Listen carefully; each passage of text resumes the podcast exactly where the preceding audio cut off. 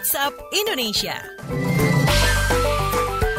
Oke, waktunya kita keliling Indonesia dan kita awali dengan perakiraan cuaca sepekan ke depan bersama perakirawan Badan Meteorologi, Klimatologi, dan Geofisika BMKG.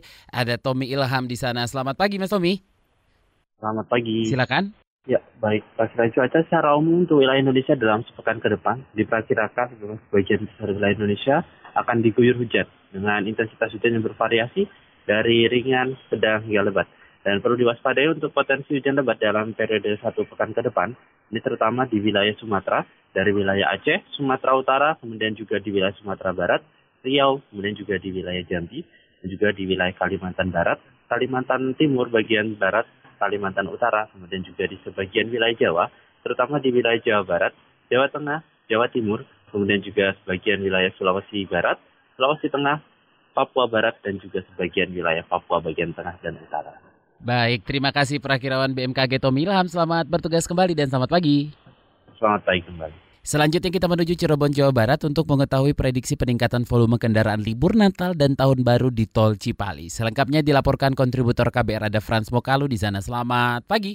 Selamat pagi. Libur Natal 2019 dan Tahun Baru 2020 atau Nataru, volume kendaraan di tol Cikopo Palimanan atau Cipali diprediksi mengalami peningkatan sebesar 9,6 persen dari tahun sebelumnya. Sedangkan lalu lintas harian rata-rata di tol Cipali pada Nataru kali ini diprediksi mencapai 85 ribuan kendaraan. Puncak arus lalu lintas libur Natal akan terjadi pada 21 Desember 2019, sedangkan puncak arus balik diprediksi pada tanggal 1 Januari 2020. Ini diungkap oleh Direktur Operasi PT Lintas Marga Sedaya, Agung Prasetyo. Kata Agung, peningkatan jumlah kendaraan di tol Cipali baik ke arah Jawa Tengah, Jawa Timur, dan ke arah DKI Jakarta akan diimbangi dengan penambahan petugas dan armada siaga 24 jam. Pihaknya pun memastikan Kondisi jalan dalam keadaan sangat layak dilalui baik selama Nataru maupun setelah Nataru, terlebih pada saat puncak liburan.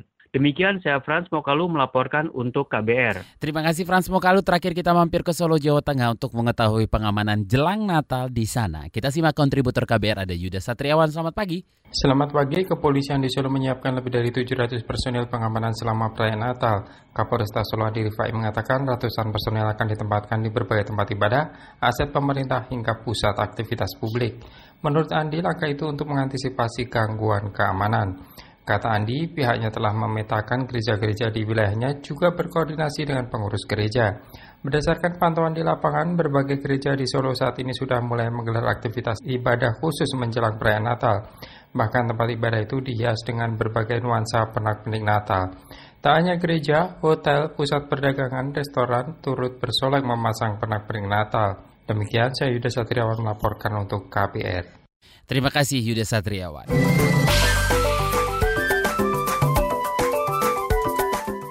WhatsApp Indonesia.